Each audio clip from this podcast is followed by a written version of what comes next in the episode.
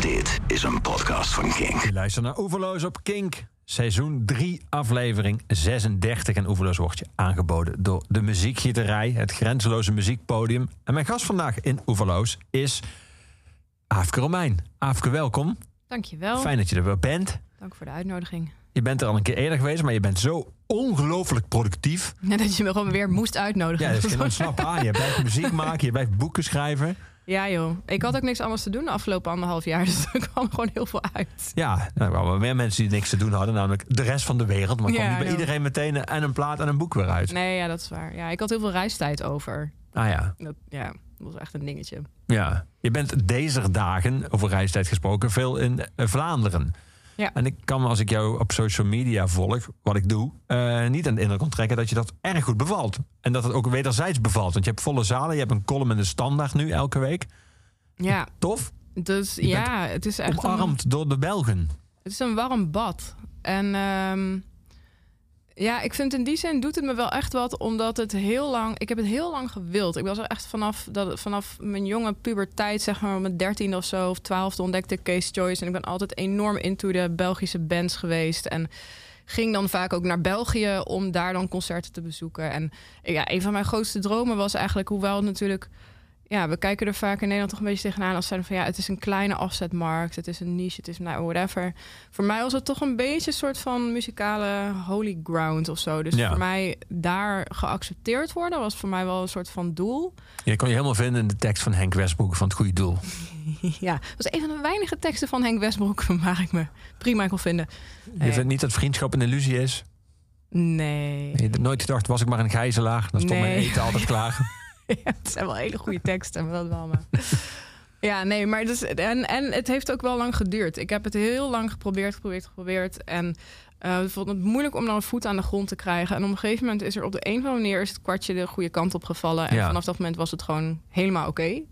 Misschien heel boeddhistisch. Toen je het niet meer wilde en probeerde, toen lukte het. toen Nee, ik het was, naar je toe. ik was het nog steeds keihard aan het proberen. Dus ik was inmiddels getrouwd met een Belg. En, eh, ja, Zelfs dat had je ervoor familie. Ongelooflijk, dat je dat er Ja, allemaal voor over hebt. Ja, ongelooflijk. Ja, nee, maar het was wel... ehm, nou, het was wel op een punt in mijn carrière dat ik wel dacht van... oh man, ik hoop wel gewoon dat er nu ergens een soort van ruimte ontstaat... waar ik net even één stap verder kan zetten. En die Ja. ruimte, die, nou ja, die heeft België of Vlaanderen in dit geval... Ja. ruimhartig gemaakt. En dat is gewoon super fijn. Ja.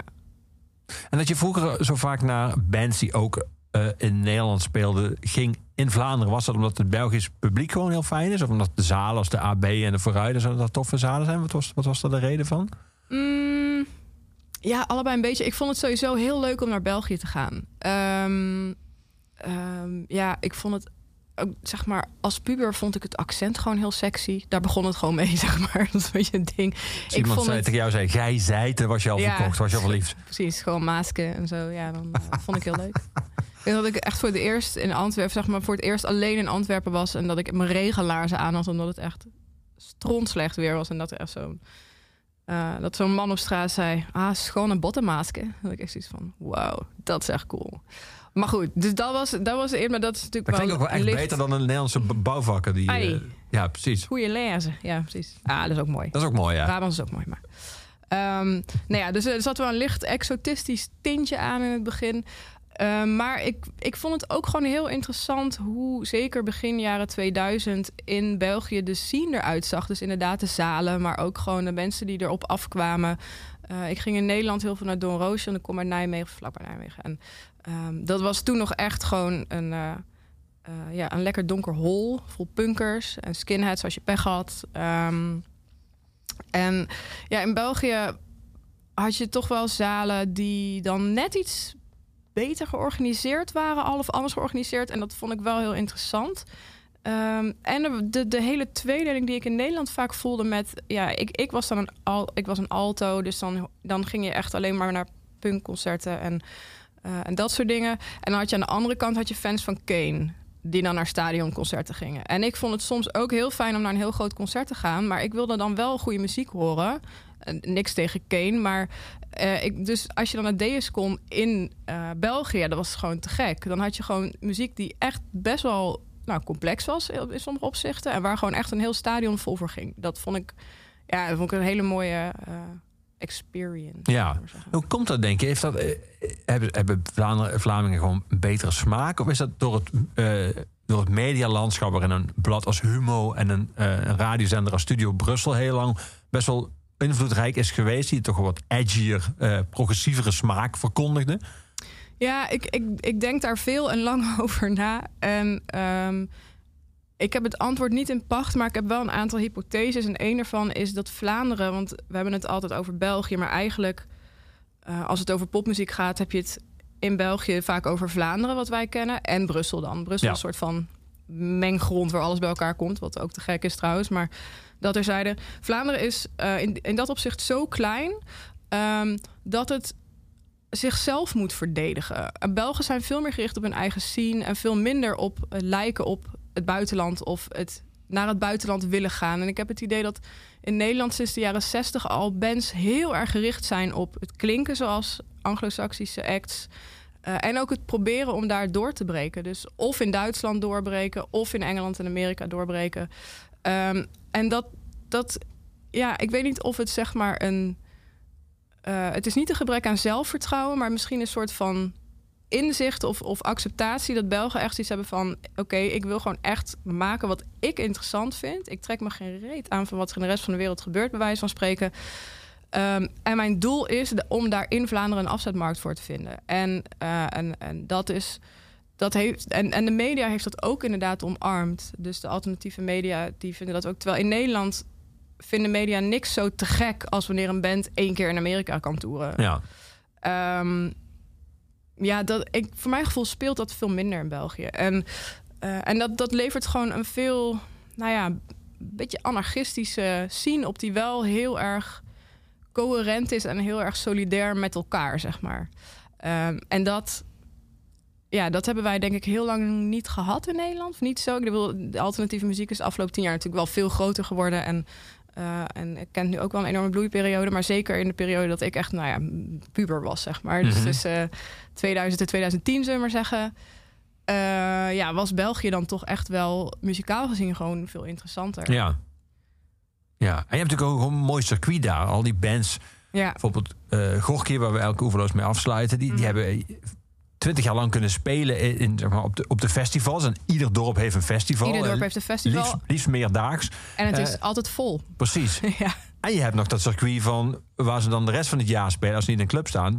Alle zalen die beginnen met de CC van het Cultureel Centrum. maar dat zijn, er, het zijn er ja. ook echt 60 of zo. Als je daar kun je Ja, het zijn er nog veel meer. Ik heb een tour staan volgend jaar, waar nu zeg maar de eerste, eh, nou ja, volgend seizoen moet ik dus zeggen, 22, 23, want zij werken echt in seizoenen, want het zijn eigenlijk theaters. Ja, Ehm, ja, en dan sta je inderdaad in, op plekken waar eh, ik als fervent Belgiëganger ook nog nooit van gehoord heb.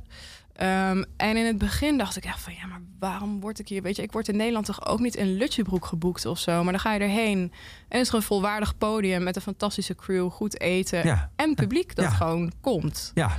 Eh, mensen Terwijl hebben- het dorp daarnaast is ook zo'n zaal. En dan staan dan twee weken later ook weer drie, vierhonderd Ja. mensen. Precies. Dus het is ook een, een soort van cultureel ding dat mensen. ehm, dat mensen als, als gemeenschap, hoe klein ook, de cultuur echt omarmen. En ook ervoor willen zorgen dat cultuur kan groeien en bloeien. En dat doen ze eigenlijk heel laagdrempelig door een soort van mini-schouwburgjes te maken. Waar je voor weinig geld een abonnement kan afsluiten. En mensen sluiten gewoon een abonnement af. En die kunnen dan naar, nou naar zoveel voorstellingen als ze willen, bij wijze van spreken. En kunnen dus ook gewoon naar 38 dingen gaan kijken waar ze nog nooit van gehoord hebben. Dus je kan als totaal onbekende artiest, bij wijze van spreken. ehm, nou, in al die centra spelen en toch gewoon een goede opkomst hebben Ja, omdat mensen dan op basis van de beschrijving in het programmaboekje kijken naar wat ze willen zien. Of, eh, en die mengvorm tussen, tussen theater en poppodium, die kennen we eigenlijk helemaal niet in Nederland. Eh, dus de CC's in België, dat, dat is eigenlijk gewoon een volwaardige clubtour. Je kan natuurlijk ook een, een, een clubtour doen van alleen maar de AB en de vooruit. Ehm, maar ja, Belgische bands doen het ook. Het is gewoon, eh, dus het, het hele idee van zitten of staan, dat is ook niet zo'n enorme tweedeling. nee. Dat is heel, ja, het, is- het is gewoon wel heel leuk. Ja. Want je kan gewoon heel veel uren maken en, eh, en heel veel mensen leren kennen. En ja, dat werkt gewoon wel. Ja, kijk gewoon het ideale land. Dat zou ik niet willen beweren. Het heeft ook wel zijn nadelen hoor, België, absoluut. Maar ja, Daar gaan we het nu niet over hebben. We gaan het alleen maar bewier roken nu. Ja. En we gaan Ja. muziek draaien. Van jou, om precies te zijn. We gaan luisteren naar eh, Piepschuim. Weet je nog wanneer eh, en waar jij was toen Piepschuim in jouw hoofd opkwam? Nou, het, eh, het grappige is, het is van mijn laatste plaat en die heet Godzilla en die gaat over depressie. En ehm, ik wilde heel graag een album maken over depressie dat niet alleen maar depressief was. Want je denkt dan al snel van ja, oh, oké, het is allemaal heel zwaar. En, eh, maar er zijn ook wel momenten in een depressie eh, die licht zijn of die beter zijn of die gewoon oké zijn. En een daarvan eh, is wanneer je genoeg kalmeringspillen neemt om gewoon lekker high te worden en even niet depressief te zijn. Ehm, dat is iets wat ik in het dagelijks leven ben ik heel nuchter. Dus ik gebruik geen drugs. Ik drink af en toe één biertje, heel soms twee. Eh, dus Bel- ik ken Belgische dat, biertjes dan? Of Nederlandse biertjes? Dat is natuurlijk een vrij groot verschil. Als het maar een speciaal bier is, dan vind ik het eigenlijk allemaal goed. Ja. Ehm, als het maar geen pils is, dat vind ik heel saai. Maar in ieder geval, ik, dus ik ken, ik ken zeg maar dat hele gevoel niet zo. Maar als ik depressief ben, dan mag ik dus kalmeringspillen nemen. En dan mag ik dus eh, gewoon gecontroleerd high worden. En dat is een heel fijne ervaring voor iemand als ik. Ehm, en ik was op een gegeven moment lag ik gewoon op de bank met, met een pil op. En toen dacht ik, ja, hierover moet ik ook gewoon een nummer schrijven. Want dit is ook gewoon een gevoel dat voor mij erg bij depressie hoort. En het is een heel fijn gevoel. Ehm, ja, en daar kwam eigenlijk al... ehm, daar, daar kwam heel snel wel muziek bij. Ik moest dus moest echt gewoon... Het moest vooral heel erg viben. Dat was Ja. een beetje het idee. ja. En schreef je het eh, nog op die pil? Of schreef je het daarna met terugwerkende kracht beschrijvend hoe je voelde toen die pil nog werkte? Mm, nou, ik geloof wel dat ik het woord piepschuim wel al bedacht heb toen ik eh, die pil op had. Dat ik zoiets van, dat is een heel goed woord om te omschrijven hoe het voelt. Of echt gewoon alles van piepschuim is, want je kan je nergens meer pijn aan doen. Dat is een beetje het hele idee. Ehm, maar de muziek, ja, muziek, ik, die heb ik sowieso uitgewerkt toen ik nuchter was. Want ik, nou ja, ik ben heel slecht in onder invloed dingen maken. Dat is gewoon, dat wordt nooit zo heel goed, maar. Lijkt het, li- lijkt het wel goed als de pil nog werkt? Of, lijkt, of voel je dan... Ja, dan is het geniaal natuurlijk. maar ja, Ja, we gaan dan luisteren. Alright. Piepschuim.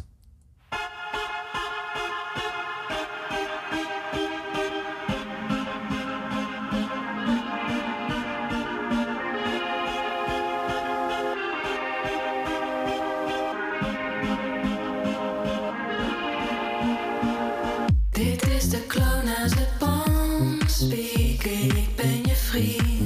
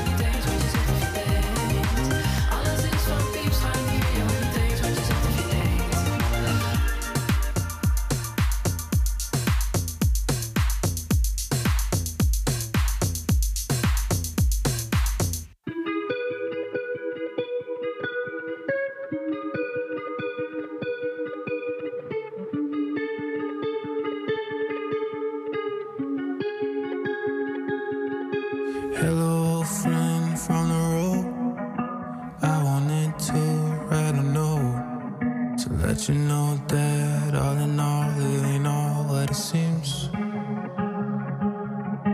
I feel like I've hit a low, one I've never hit before. Lately, I've been feeling small, there's the salt in the sea.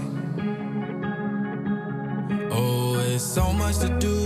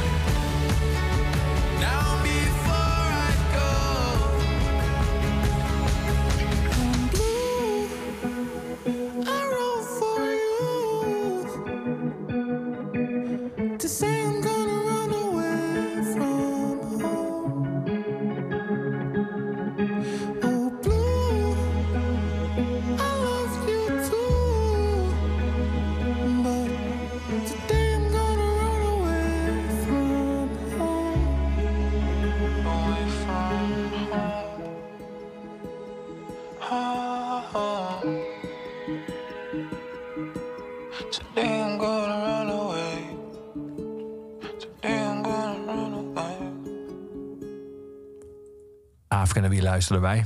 Lil Nas X. Waarom hij? Waar- Waarom dit nummer? Waarom Void? Mm, nou, sowieso omdat ik het gewoon een heel mooi nummer vind. Eh, ik ben hem eigenlijk gaan volgen, helemaal niet vanwege zijn muziek. Want hij had op een gegeven moment gewoon zo'n enorme nummer 1 hit... die ik verder helemaal niet zo interessant vond. Maar ik werd erop gewezen dat hij, eh, nou ja, dat hij uit de kast kwam. En ehm, nou ja, dat is in eh hiphopland nog steeds een enorm ding. Eh, Frank Ocean heeft het natuurlijk gedaan in 2012. Dat was een enorme happening. Toevallig hoorde hij wat fans, maar ik kreeg er ook eentje bij uit Nederland. Ja. Afrika Romein. Mij. ja, ehm, en nou, ja, nou, ik ging hem gewoon volgen op, socia- eigenlijk gewoon op sociale media. Want op Instagram vind ik hem ontzettend goed. Hij heeft hele goede content. Ehm, en hij is super non-conformistisch in zijn gay zijn. Dus hij, wat hij doet is eigenlijk... Hij schrijft eenzelfde soort album als wat de meeste mannelijke rappers zouden schrijven over vrouwen. Maar dan schrijft hij het gewoon over mannen. Dus hij schrijft niet over pussies, maar over dicks. Maar op dezelfde grafische, seksuele manier, totaal schaamteloos. Ja, I'm here for it. Ik vind het heel goed. Eh, weet je, waar Frank Ocean bijvoorbeeld soms nog wel het gevoel had dat hij qua metaforen er nog een beetje omheen moest bewegen of zo. Heeft hij gewoon gezegd: ja, fuck it all. Hij gaat ook gewoon naakt in zijn eigen clip dansen. Het maakt hem niet uit. Dus dit, dit is gewoon wie hij is. Ja, en hij weet dus dan ook nog daarmee ehm, ja, een van de best scorende releases op Spotify te maken. Wat ik Ja. echt, ja, wat ik gewoon onwijs knap vind. Dus, nou, en ik vind, ik vind ook gewoon dat hij een aantal hele mooie nummers op zijn plaat heeft staan. Dus dit is zijn debuutalbum. Dat is heel raar dat dat dus meteen dan het best scorende album op Spotify ever is, geloof ik. Zoiets was het. Ehm, en ja, je hoort natuurlijk wel aan dat het door een enorm team geproduceerd is. En dat er heel veel eh, kennis en ervaring achter zit.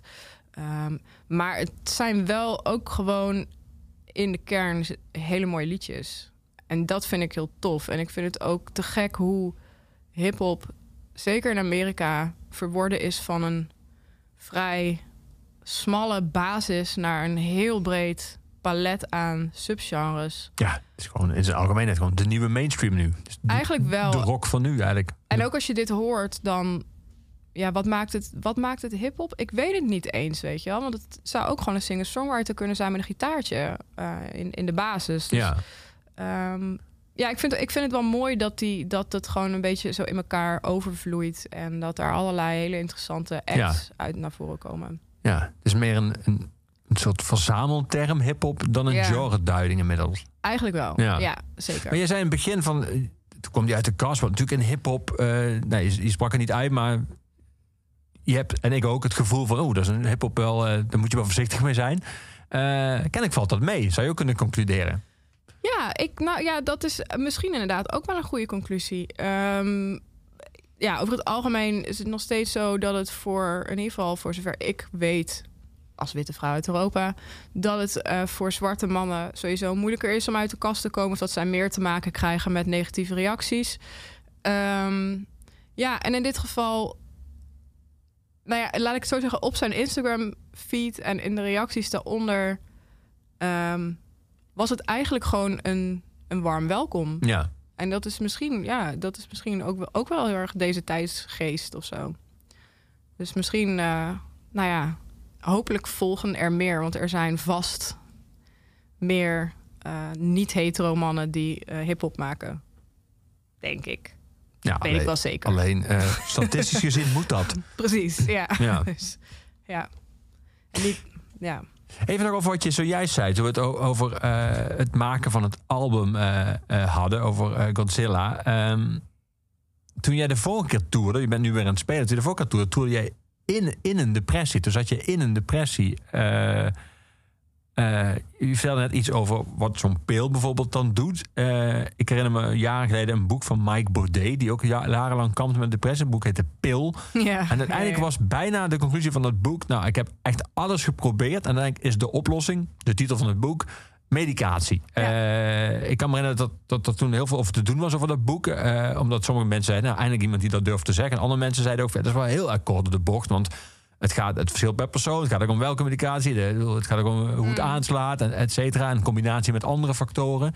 Eh, maar is dat, is dat jouw conclusie ook? Dat dat eigenlijk het, het belangrijkste verschil maakt? Medicatie? Ja, nou, het is iets complexer dan dat. Maar ik kan wel kort proberen uit te leggen. Ehm, therapie kan een volgende depressie wel helpen verzachten of misschien zelfs voorkomen.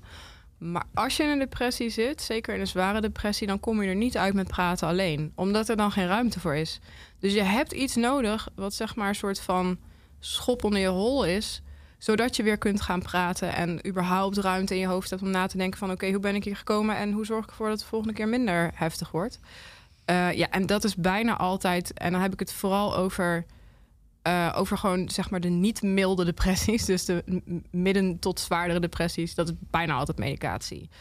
Of je het lang moet slikken en hoeveel en ehm, ja, dat is denk ik wel heel verschillend van persoon tot persoon. Maar ik ken persoonlijk niemand die een zware depressie heeft gehad of, eh, of die meerdere depressies heeft doorstaan, die niet op de een of andere manier uiteindelijk medicatie nodig heeft gehad. En dat is denk ik Al was het maar een tijd. al was het maar een tijd. En dat heeft denk ik ook wel mee te maken dat we nog steeds eigenlijk relatief weinig weten over wat een depressie nou precies is, wat het veroorzaakt en hoe je het eh, kan voorkomen zonder nou ja, paardenmiddelen te gebruiken. Want ja, ook die antidepressiva, we weten ongeveer wat ze doen, maar niet helemaal, zeg maar. En het is nog steeds heel moeilijk te, te voorspellen als iemand depressief is, wat voor diegene wel of niet gaat werken. Dat moet je gewoon maar uitproberen. Dus het is nog steeds een hele, ja, we, tasten nog steeds op heel veel gebieden in het duister. En ehm, wat ik heel interessant vind, is dat er inmiddels ook veel onderzoek is eh, naar bijvoorbeeld eh, neurostimulatie. Dus dat is met gewoon met een magneet, zeg maar, hele kleine pulsjes geven vlak boven je hoofd. Waardoor bepaalde neuronenbanen geactiveerd worden en bepaalde hersendelen meer contact gaan maken met elkaar. Wat dus een, ja, eigenlijk een, echt een fysieke oplossing is voor een mentaal probleem. Ehm, nou, dat zijn heel veelbelovende onderzoeken. Dus inmiddels zijn, eh, is, is dat een, een eh, geaccepteerde therapie, zeg maar. Uh, en het schijnt dus dat als je dat doet in combinatie met bijvoorbeeld cognitieve gedragstherapie, dus ook een beetje praten over: oké, hoe kun je zelf bijdragen aan je herstel, dat dat enorm effectief is voor veel patiënten. Dus ja, maar we, ja, goed, tot de tijd dat we daar nog meer van weten en dat dat een veel breed, breder inzetbaar ding is, blijf je toch, uh, blijven die pillen toch heel erg noodzakelijk. Ja. En vind jij het uh, vooral fijn dat ze werken? Uh, of vind je het ergens ook eng omdat, wat je zojuist zei, dan niet altijd alles helemaal tot in de treur is onderzocht? Of eng misschien omdat je je afhankelijk voelt van medicatie? Ja, nou, uh, ik slik inmiddels 15 jaar medicatie. Uh, dus dat is bijna mijn halve leven. En um, ik heb een aantal, keer, een aantal momenten gehad dat ik wel echt iets had van... ja, ik wil niet afhankelijk zijn van medicatie. Ik wil niet dat als er straks de pleuris uitbreekt... en die fabriek die fikt af... dat ik dan de sjaak ben omdat ik mijn pillen niet krijg op tijd. Um, maar daar ben ik wel van teruggekomen. Want ik heb ook wel een paar keer echt helemaal afgebouwd. Uh, totdat ik echt helemaal nou ja, clean was, zeg maar. Zo even zo te zeggen. Mhm. Mm -hmm. um, ja, en dan ging het eigenlijk altijd binnen een jaar gewoon weer falikant mis. Uh, en dat ligt dus niet aan het afbouwen. Want daar gaan sommige mensen ook nog heel erg de mist in. Dus dat ze denken dat ze depressief worden... maar dat ze eigenlijk gewoon nog in een afbouwfase zitten. Dus in mijn geval denk ik, ja die depressies die zijn gewoon vanaf zolang als ik me kan herinneren, zijn ze daar ieder jaar. Als ik niks doe, zijn ze, is, is er ieder jaar een depressie. Uh, en als ik wel iets doe en ik neem medicatie, dan is het misschien eens in de vijf jaar of eens in de zes, zeven jaar. Dus ja, zwart. Dan is het zo. Weet je, ja, ja. dat is op een gegeven moment. Dan, dan is dat gewoon wat het is. En er zijn wel steeds meer onderzoeken die wel um, kijken naar de lange termijn. En zeg maar de, de, de, de pillen die ik slik daar zijn eigenlijk weinig tot geen lange termijn gevolgen van bekend. Behalve dat het heel moeilijk is om ze af te bouwen. Als je er eenmaal aan gewend bent. Um, ja, dat is jammer. Maar ik kan ermee leven. Ja. Zeg nog, ik moet ermee leven, denk ik. Ja. ja. ja. We gaan muziek draaien, Afke. All right. We gaan naar Elton John. Met Yes. uh, Goodbye Yellow Brick, Brick Road. Um, heb je nog, uh, ook bij hem, net als bij jou en bij alle, alle artiesten, zijn allerlei tournees uitgesteld. Hij was natuurlijk bezig aan een afscheidstour. Het een heel lang afscheid nu. Ja. Ja, die werd ook verlengd. Er kwam ook dat fantastische boek van hem uit, die autobiografie, die echt op elke pagina van zelfspot en zelfkennis uh, ook echt, ja, ik vond het echt een waanzinnig grappig boek ook. Uh, ik heb denk dat dat ook nog een soort van nieuwe golf heeft. Dus die tour mm. werd verlengd en verlengd. Nu komt hij nog een keer terug. Heb jij hem gezien of ga je hem nog zien op zijn afscheid? Ik, uh, nou, ja, oké. Okay. Dan moet ik dus toegeven dat ik Elton John eigenlijk pas heel recent ontdekt heb. Ik wilde een paar platen meenemen van dingen die iedereen al decennia kent, maar ik nog niet. Um, ja, omdat ik. En hij is daar één van. Hij is daar één van. Ik ontdekte hem gewoon heel suf. Ik bedoel, ik, ken, ik ben natuurlijk groot geworden met schuifelen op Candle in the Wind. Heb jij geschuifeld op Candle in the Wind? Absoluut. En vaak. Um, en leidde dat vaak tot nou, warmbloedige avonden? Ik was tien of elf. Oh, sorry. Dat nee, is wel een indiscrete ja, vraag dan. Nee, maar... Niet zeggen illegaal. Nou ja, op zich. Nou ja, goed. Had gekund, maar nee. het was nog een soort van heel erg eh, gedwongen schuifelen op schoolfeestjes en klassenfeestjes en zo. Maar ja, ik vond dat echt een, ja, om heel ik zei, ik vond het echt een scheidnummer. En dat was waar ik Elton John van kende en van de rare pakken en, eh, en de gekke foto's en Toch hebben veel artiesten hebben. bedoel, ja, Een hit is eh, vaak een zegen, maar kan ook een vloek zijn. Chris de. Burgh en iedereen van Lady in Red. En die man heeft echt fantastische nummers gemaakt. Maar Ja. als je dan Lady in Red als bekendste nummer hebt, dan ja. Ja, nee, Ja. zo zijn er inderdaad nog een ja, zijn er best wel er veel, zijn er denk ik. best wel veel. Ja. Ja. Ehm, maar in ieder geval, en, en ik, toen, ja, ik zag gewoon, ik zag zijn film op Netflix staan. Die biopic over hem. Ja. Met al die liedjes erin. En ik ben nooit zo van de biopics. Maar op de een of andere manier... Ik, die, de acteur die de hoofdrol speelt... vind ik gewoon wel heel interessant om naar te kijken. Ik vind hem een hele goede acteur. En ik dacht, nou ja, waarom niet? En ik werd totaal verrast. Ehm, vooral door de muziek. En Het is natuurlijk eigenlijk een soort bijna musical, die film. het is een soort Ja. musical. En op zich is dat helemaal niet mijn genre. Ik heb er normaal helemaal niks mee. Ik vind het s- super irritant als mensen opeens beginnen te zingen vanuit het niks. Dan denk ik van, hoezo ga je nu opeens... Maar hier werkt het Toch bij hoezo even goed. dat jij ook Ja. ging doen. Maar Nee, hoezo? Ja, precies. Nee, vind ik dat heel gek. Ehm, maar ja, nee. En, het- en bij heel veel van die nummers dacht ik, oh, dit is van hem. Dat wist ik gewoon helemaal niet. Waren van die nummers die ik gewoon in mijn jeugd natuurlijk duizend keer gehoord had. Totaal geen notie van het feit dat het dan van Elton John uit de jaren zeventig was. En nou ja, toen ben ik dus naar hem gaan luisteren. En toen dacht ik, jeetje. Wat, Jeetje, Elton. Wat een goede artiest. ja, dus zo, ja, zo kom je nog eens tot inzichten. ja, Ja. we gaan naar hem luisteren. Elton Yes. John.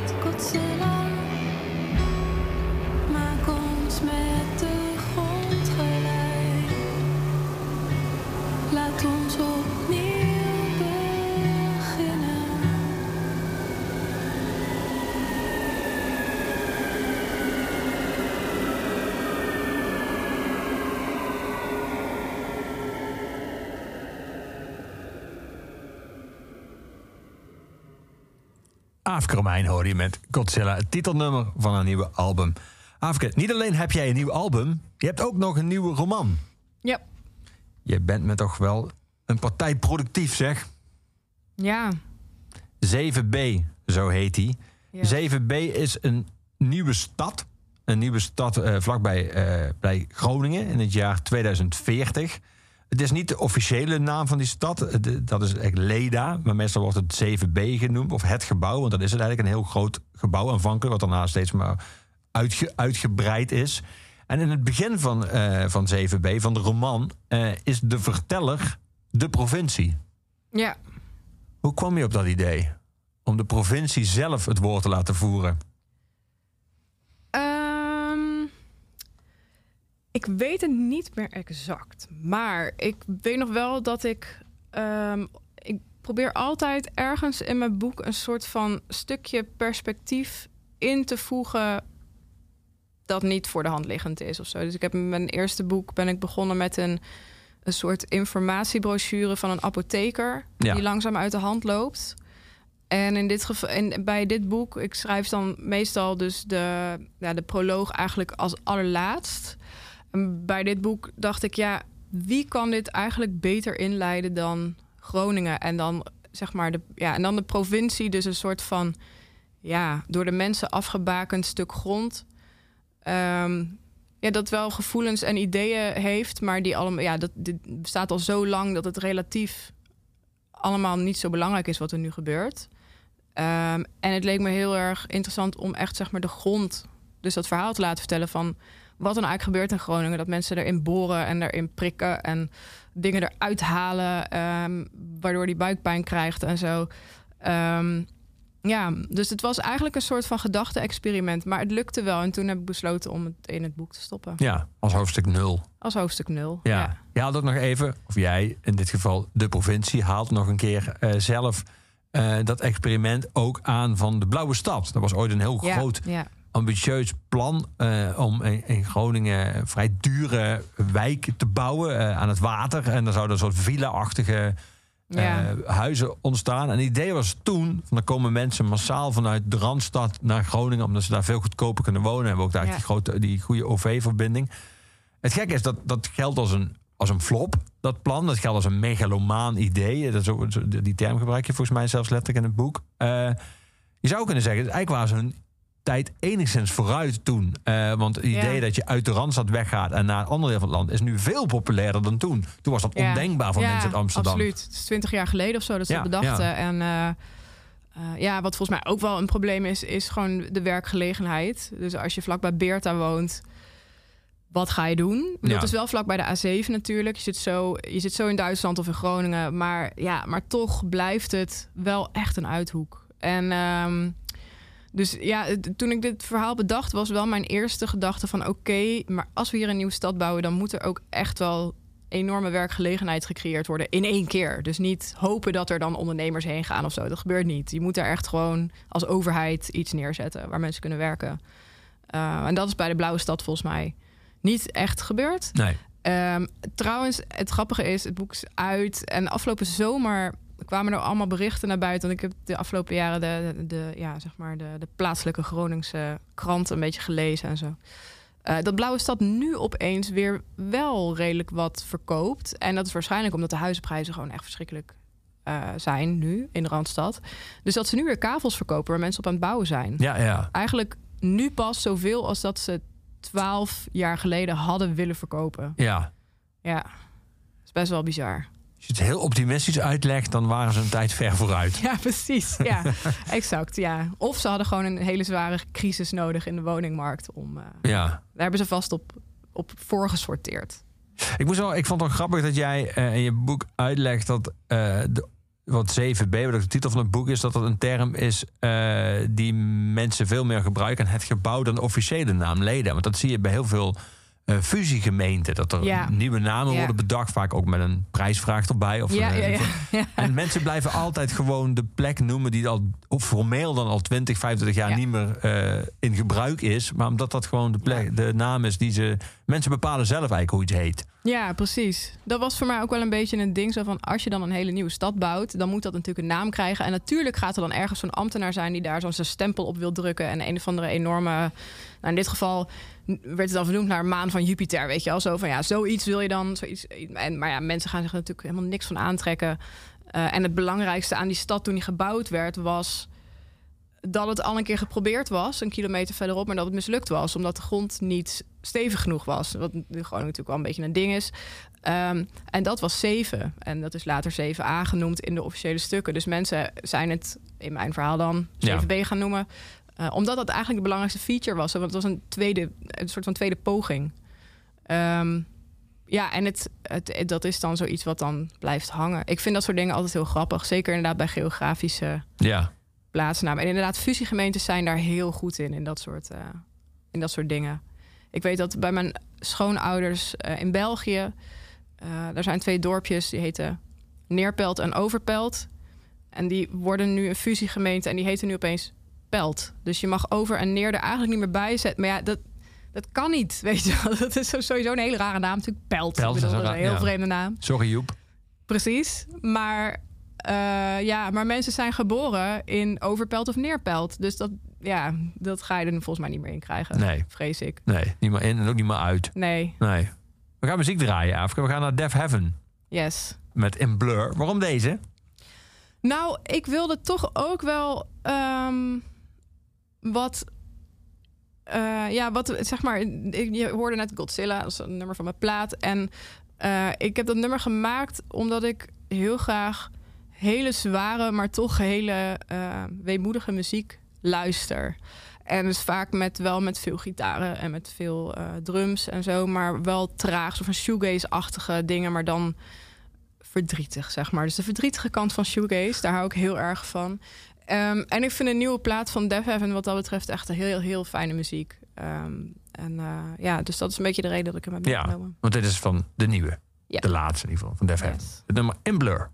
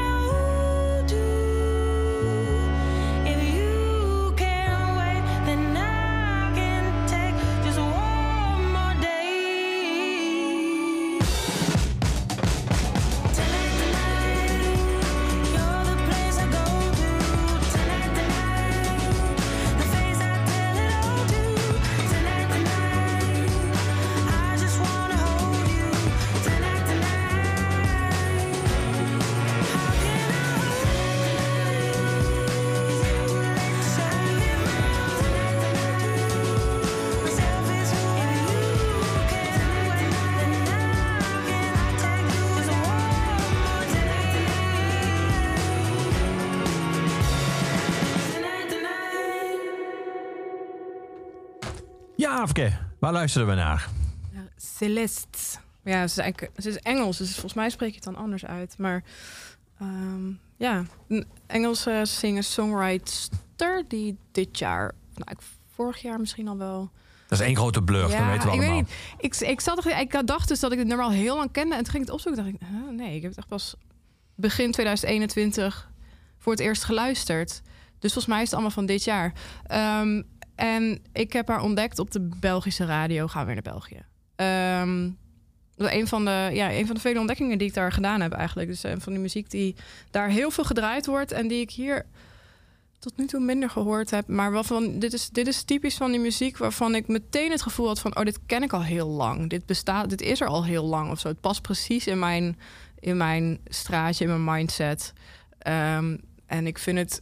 Ja, het is misschien een beetje technisch, maar ik vind het gewoon heel fijn geproduceerd ook. Daar luister ik dan stiekem toch ook altijd naar van hoe het gemaakt is. En Kun je dat uitleggen op een manier waarop wij als niet-producers dat toch nog enigszins ja, kunnen volgen? Tuurlijk. Ehm, nou, sowieso zijn het gewoon. Kijk, het zijn om te beginnen zijn goede nummers met lekkere hooks erin. Werkt altijd. Maar eh, er zit een soort combinatie in van iets wat ik altijd een soort van big beat noem. Dus echt zeg maar heel groot geproduceerde en gecompreste live drums.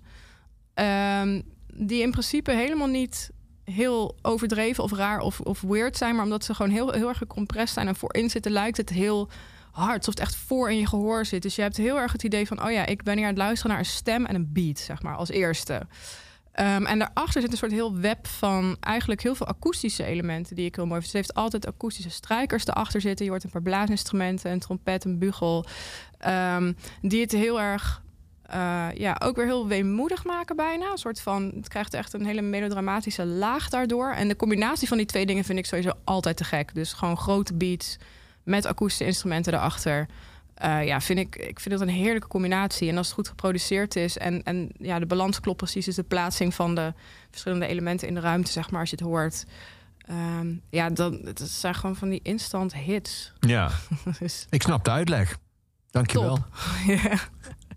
Ik wil terug naar je roman, als je het goed vindt. Tuurlijk. Naar eh, iets wat op die, in die roman een belangrijke eh, rol speelt. Een nieuw sociaal medium dat Connect heet.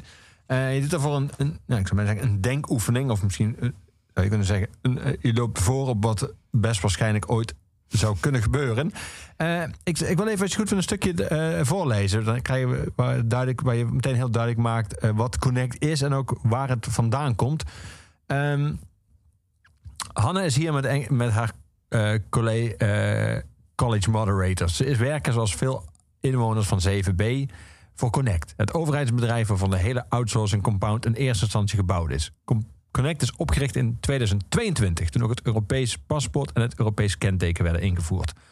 Aanvankelijk was het een digitale tool waarmee EU-landen de registratie van burgers konden gelijk trekken. Maar al snel werd dat uitgebreid en konden burgers inloggen om belastingzaken te regelen en uitkeringen aan te vragen. Toen brak 2025 aan, het jaar van de grote sociale media schandalen.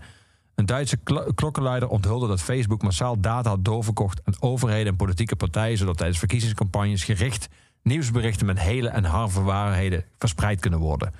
Rusland bleek op die manier verschillende parlementsverkiezingen in West-Europese landen te hebben gemanipuleerd. Maar, en dat komt harder aan, er waren ook West-Europese partijen die gretig gebruik hadden gemaakt van de schimmige datahandel. Het was het zoveelste bewijs dat het Amerikaanse bedrijf geen moreel kompas had. En ditmaal besloot een aantal West-Europese overheden gezamenlijk een vuist te maken. Ze gaven Facebook een duidelijke waarschuwing. De datahandel moest stoppen of het bedrijf werd integraal verboden. Daarnaast begon men Connect uit te bouwen om tot een volwaardig sociaal platform met functionaliteiten die vergelijkbaar waren met wat Facebook en LinkedIn ooit boden. Het grootste voordeel volgens velen op Connect zijn anonieme profielen onmogelijk. Nou, dan beschrijf je verder eh, ook dat veel mensen Connect gingen gebruiken, maar niet uit een soort principiële verontwaardiging over het gedrag van Facebook, maar meer omdat het eigenlijk wel handig was, zodat het gebruiksvriendelijk is. En je beschrijft ook dat er een kleine groep burgers overblijft die buiten het sociaal medium om probeert te leven en hard protesteert tegen de data die de Europese overheid verzamelt, maar ze vormen een uitzondering. Die mensen dus die eh, proberen buiten dat medium om te leven.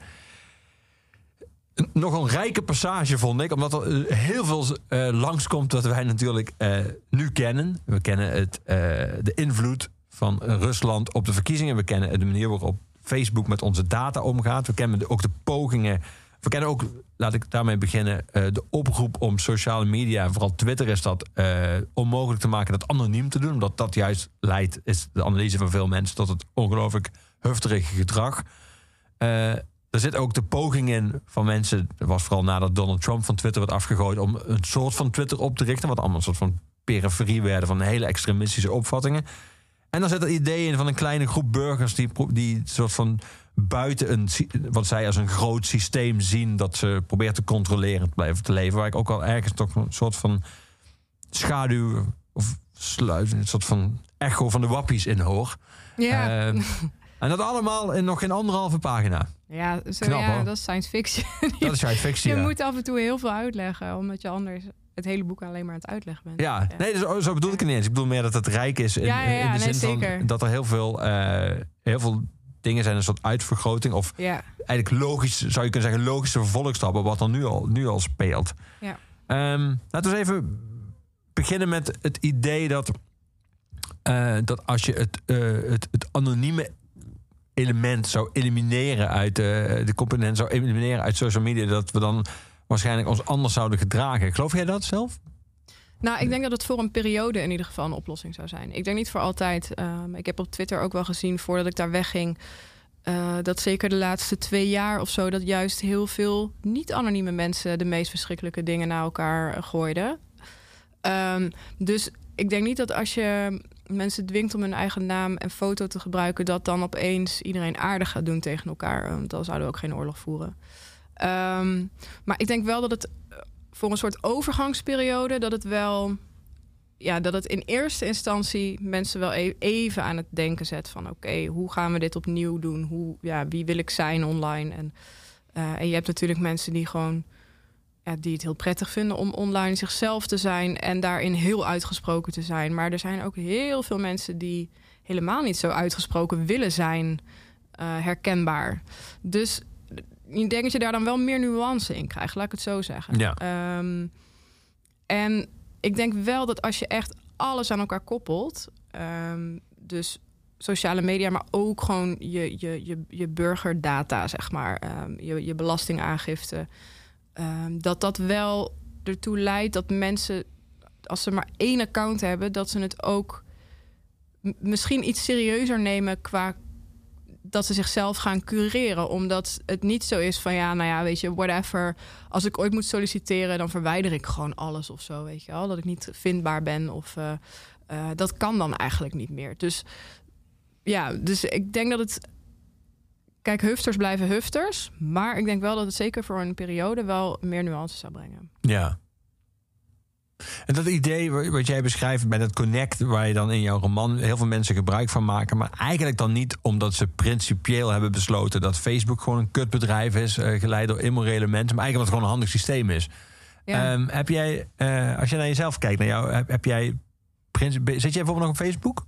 ja, ik zit nog op Facebook. Ehm, en dat is En doe je dat knarsen tandend? En, Ja, nee, ik vind het, maar even los van zeg maar, het bedrijf Facebook, vind ik het medium Facebook ook gewoon heel vervelend. Ehm, ik vind Instagram wat dat betreft een stuk vriendelijker, omdat er gewoon minder tekst is, meer plaatje, meer persoon vaak dan ook dus. Ehm, maar ik heb een best wel, eh, nou ja, best een aanzienlijke groep mensen die mij volgen, die alleen maar Facebook hebben. Dus die ja, ook wel soms ook wel een generatiekwestie. Die gewoon geen Instagram, geen Twitter, geen TikTok. Die dat allemaal niet hebben en die toch mij willen volgen. Dus wat ik doe is, ik kom zelf nooit op Facebook, maar ik heb mijn, mijn artiestenpagina en één keer per week zet ik mijn post klaar. En dan kijken verder eigenlijk ook niet meer naar. Maar dan kunnen mensen wel, zeg maar, als een soort nieuwsbrief mij blijven volgen. Ehm, ja, als ik dat niet had gehad, was ik er al lang weg geweest. Ja, maar ook gewoon omdat ik het als medium volstrekt achterhaald vind inmiddels. Ja. En als je kijkt naar die mensen in jouw roman, die kleine groep burgers die buiten het sociaal medium om probeert te leven en hard protesteert tegen de data die de Europese overheid verzamelt. Eh, als je nu kijkt naar eh, de coronadiscussie en de vaccinaties en de QR-code, heb je natuurlijk een kleine groep mensen in Nederland die we inmiddels wappies zijn gaan noemen, die dat zelf inmiddels alweer als een geuzennaam hebben omarmd. Eh, die, die om allerlei verschillende redenen, sommigen zijn gewoon tegen vaccinatie, anderen geloven in een soort van big data, anderen geloven in de big re- er sluimen natuurlijk allerlei complottheorieën doorheen, maar wel in verschillende maten. Sommige in hele grote mate, of alleen zelfs maar, en andere eigenlijk bijna niet. Je hebt gewoon een principiële opvatting over de relatie tussen overheid en burger, bijvoorbeeld. Ehm, hoe, hoe kijk jij dan naar? Want ik kan me voorstellen dat jij bepaald geen wappie bent, maar ik kan me ook wel voorstellen dat jij wel kritisch bent op de verhouding tussen eh, overheid en burger, over de mate van privacy, over de eh, beperking van grondrechten voor een bepaalde tijd. Ja. Nou ja, ik, wat ik denk en wat ik zie is dat het heel moeilijk is om authentiek te blijven nadenken. Dus om steeds weer een tap- stap terug te doen en te denken: oké, eh, zonder dat ik luister naar wat andere mensen zeggen, wat zie ik gebeuren en wat denk ik daarvan? En dat je eerst die gedachte vormt, daarna pas gaat lezen wat andere mensen ervan vinden. Ehm, Dat is lastig. dat is lastig. Dat is heel. Dat is echt een. Dat is een. Elke dag weer is dat een actieve daad, zeg maar, die je moet doen. Ehm, het is veel makkelijker geworden om, eh, nou ja, om je te omringen met mensen die ehm, ongeveer hetzelfde als jij denken. Maar, maar dat is ook wel gevaarlijk, want ik merk bijvoorbeeld zelf eh, dat de mensen die vanzelfsprekend in mijn bubbel zitten, dus de, zeg maar even de, de, de, de linkse progressieve eh, eh, klimaatbubbel, is het over het algemeen. Daar zitten natuurlijk ook mensen tussen waar ik het voor een deel helemaal niet mee eens ben. Dus die ik in sommige dingen weer veel te extreem vind, of in andere dingen juist niet extreem genoeg. Ehm, en dat, nou ja, je ziet datzelfde ook op macroniveau. Dus dat wanneer mensen inderdaad als wappie worden weggezet als hele groep, en is inderdaad een heel diverse groep. eh, dat je bijna gedwongen wordt om ze in, ook als één groep weg te zetten en om ze per definitie bij het soort van morele vuilnis eh, neer te zetten. Ehm, terwijl ik ook mensen ken waarvan ik denk, ja, ik snap heel goed waarom jij je nog niet hebt laten vaccineren, weet je wel. En, ehm, en, en ik denk dat je ook, kijk, de waarheid is altijd, de wereld is altijd genuanceerder en extremer dan je denkt. In dit geval ook als je kijkt naar een vaccin, dan ja, de, zeg maar, mijn bubbel wil heel graag geloven dat het vaccin een soort wondermiddel is. Waardoor alles eh, opgelost wordt. En natuurlijk hopen we dat allemaal. Maar je ziet in de praktijk dat het ergens in het midden ligt. Het is niet een soort van complot dat, dat de overheid iedereen een chip gaat in, in, inspuiten. Dat is niet waar. Het is ook geen wondermiddel. Het is een middel dat voor een bepaald deel van de bevolking effectief is, maar ook niet voor altijd. Het heeft bijwerkingen. Natuurlijk heeft alles heeft bijwerkingen. Weet je. Dat betekent ook weer niet dat je het helemaal niet moet nemen. Dus je moet constant pingpongen tussen die uitersten. En ehm, ja, dat is, het, is een hele moeilijke, het is een moeilijke wereld om je in overeind te houden als, nou ja, als, als eh, een soort van, als je probeert om eh, een individuele geest te blijven. Of Ja, zo. en om genuanceerd te blijven. ja, Ja. zeker, ja, absoluut. Want het stellen van vragen is vaak al meteen het goed praten van een heleboel dingen waarvan je denkt, ja, ik ben het niet eens met mensen die denken dat de aarde plat is, weet je wel. Maar dat wil niet zeggen dat ik geen vragen mag stellen over het beleid dat gevoerd wordt. Of eh, ehm, dat we inderdaad niet blind achter een overheid moeten aanlopen of achter een regering die al een jaar demissionair is dadelijk. eh, zonder dat we daar kritische vragen over mogen stellen. Maar dat betekent niet dat ik niet geloof dat corona een feit is. Ja, dat is moeilijk. Ja. Ik zei, je zei net toen ik eh, deze passage voor eh, las, toen zei ja, science fiction. Is, is dit is de reden dat jij zo van science fiction houdt? Vooral ook dat je in science fiction zoveel kan zeggen over nu, door te schrijven over later. Ja, nou je kan. ehm, wat ik vaak zeg is dat je in science fiction een soort ruimte kunt creëren die nog niet bestaat. En omdat die nog niet bestaat, eh, hoef je ook nog geen morele plek in te nemen. Dus je kan in die ruimte nog alle kanten verkennen zonder dat je wordt weggezet. En dat vind ik heel interessant. Dus wat ik probeer te doen Eigenlijk is... analoog aan wat je zojuist zei. Eigenlijk Ja. is dat nu nog interessanter, omdat het eh, ongeveer de enige plek is waar dat nog kan. Nou ja, ik- toen ik mijn debuutroman schreef, vond ik dat al heel interessant. Maar dat wat, toen ging het nog heel erg over links en rechts vooral. Dat was die tegenstelling en, en, en de, de verkiezingen die eraan zaten komen. En nu is het... eh, ja, nu, nu is het gewoon nog veel extremer. Nu zit je altijd tussen extremen op zoveel verschillende vlakken. Eh, klimaat, corona, eh, ja, links, rechts, eh, vluchtelingencrisis, weet je, whatever. Maar je bent altijd, ben je kamp A of kamp B. Dus in die zin is het misschien ja, nog wel fijner geworden om, om science fiction te schrijven. Omdat je, Ja, omdat je dan daar ook even aan kan ontsnappen. Terwijl Ja. je er wel over schrijft. Dat vind ik heel fijn. Ja. En je kunt vrezen dat het allemaal uitkomt. Ja, ja dat, eh, dat kan. ik hoop het niet. We gaan muziek draaien af. We gaan eh, terug in de tijd. We gaan niet naar de toekomst, we gaan nu naar het decennia terug. We gaan naar Crosby, Stills, Nash en Young. Alle vier. Ze hebben daar natuurlijk al in verschillende samenstellingen een deel van ze samengewerkt. Maar dit waren ze alle vier. Met Almost Cut My Hair. Eh, waarom deze? Ja, dit is ook weer zo'n band die ik echt pas heel recent heb ontdekt. Terwijl dat natuurlijk echt zo'n soort van staple piece is... die iedereen in zijn kast heeft staan. Of Ja, tuurlijk, dat is echt een beestenwerk. Ehm, maar omdat het precies zo in de generatie... zo in, in die tijd valt die ik gewoon nooit echt heb ontdekt... omdat mijn ouders muziek van daarna alweer draaiden. En toen ik eenmaal zelf muziek begon te ontdekken... was dat gewoon een halve eeuw oud. En ja, maakte het me niet zoveel uit hoeveel eh, mannen van 60, zeg maar, dat, dat fantastisch vonden. Ehm, dus ik kwam het eigenlijk gewoon, ja, een soort van op het spoor met mijn man het op een gegeven moment opzetten. En ik was iets van, wat is dit? Dit is heel goed. en toen zei hij, ja, is Crosby, Stills, Nash Young. Ik zei, ah, dat niet. Dus ja, toen ben ik die plaat heel vaak gaan luisteren. En ehm, ik vind dit misschien wel het beste nummer van de plaat.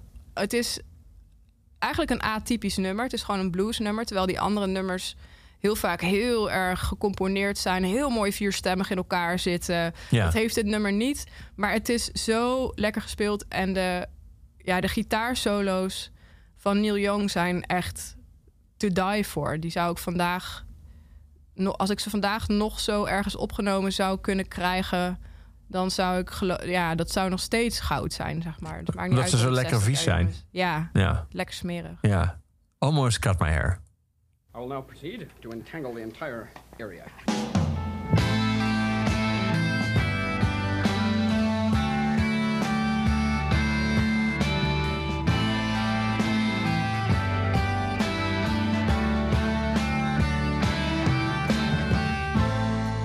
almost cut my hair.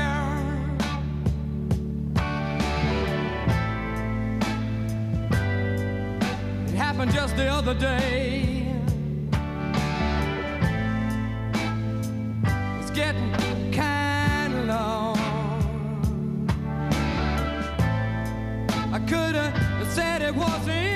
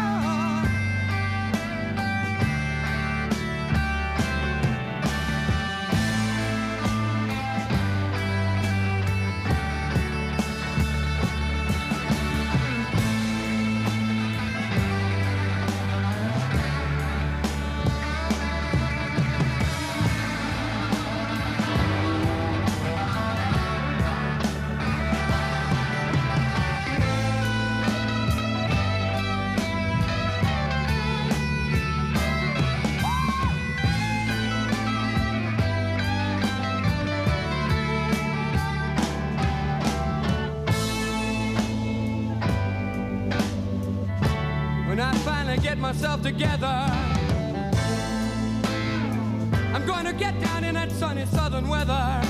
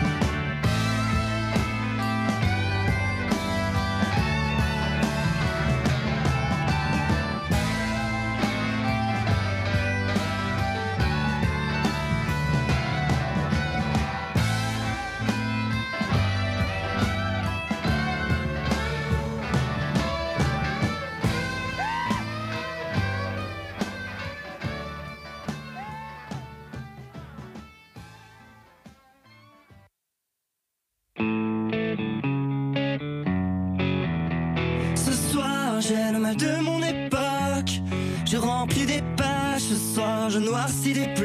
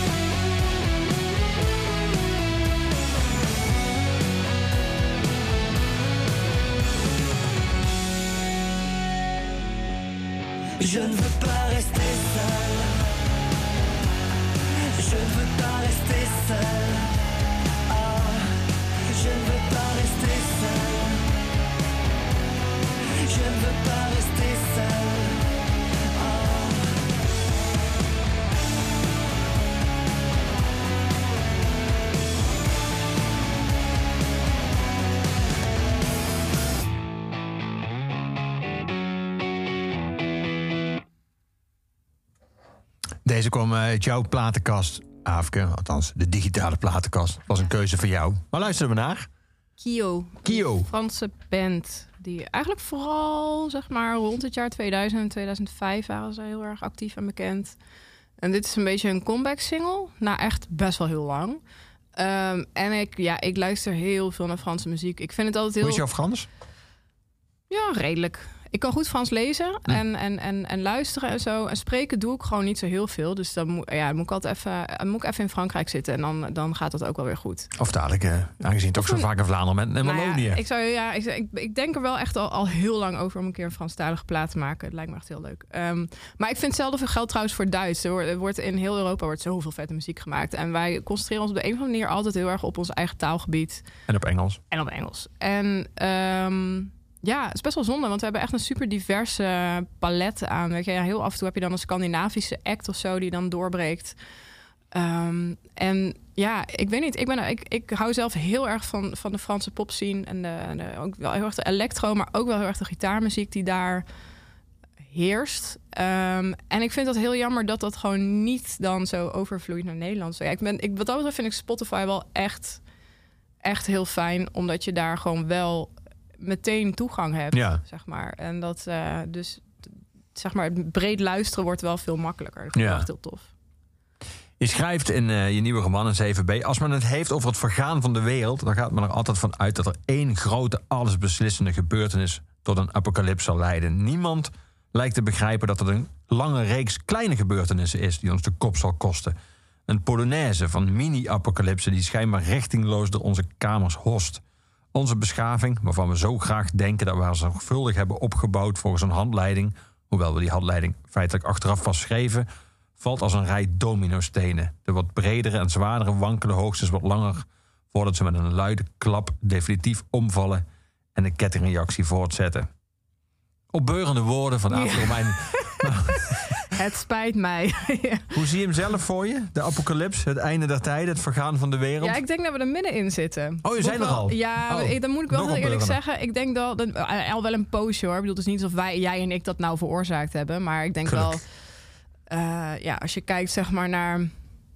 Als je, ja, ik, ik denk voor zover wij weten en kunnen reconstrueren... als je kijkt naar de afgelopen miljoenen jaren... bij wijze van spreken wat er op de aarde gebeurd is... dan zie je toch wel een soort van steeds, steeds st- ja, steiler stijgende lijn... zeg maar, van destructie en, en verandering. Nog even los van destructie, maar gewoon...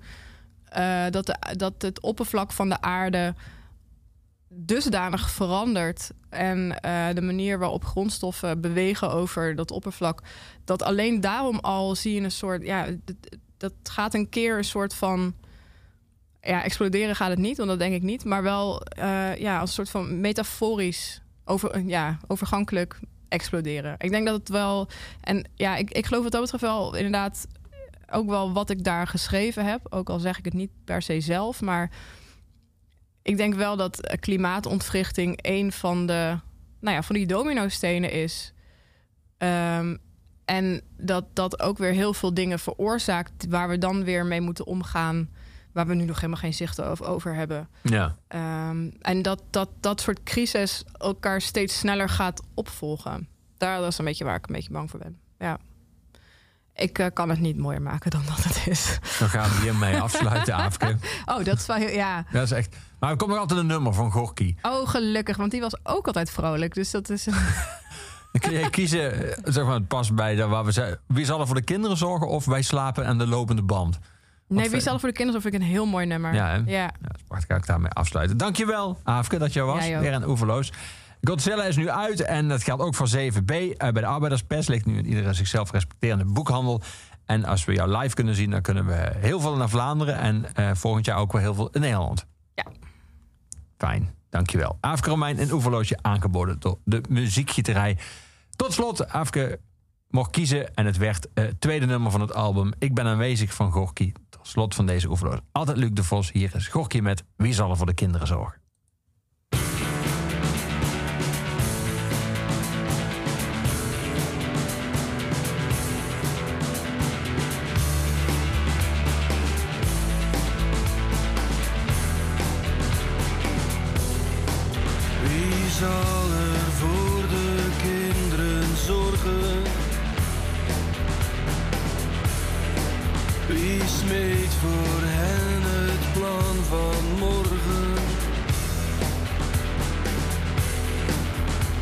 Kleine bengels blijven janken. Want in de kast zit het monster van Frankenstein. En de ratten kruipen achter de muren. Hoe lang nog zal dit onrecht duren? Het gaat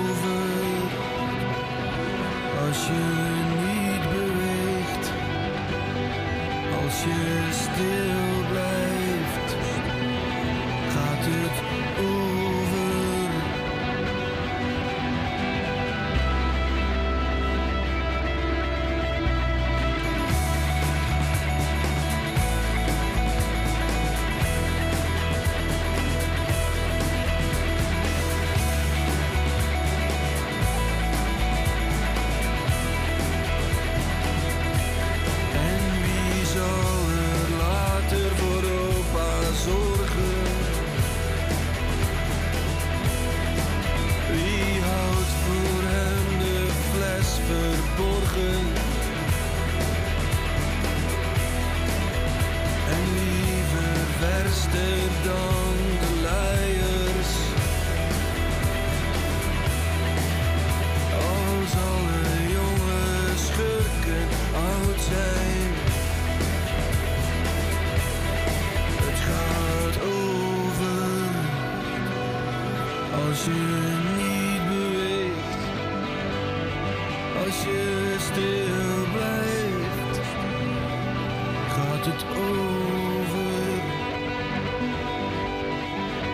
Slacht het kalf met de gouden eieren.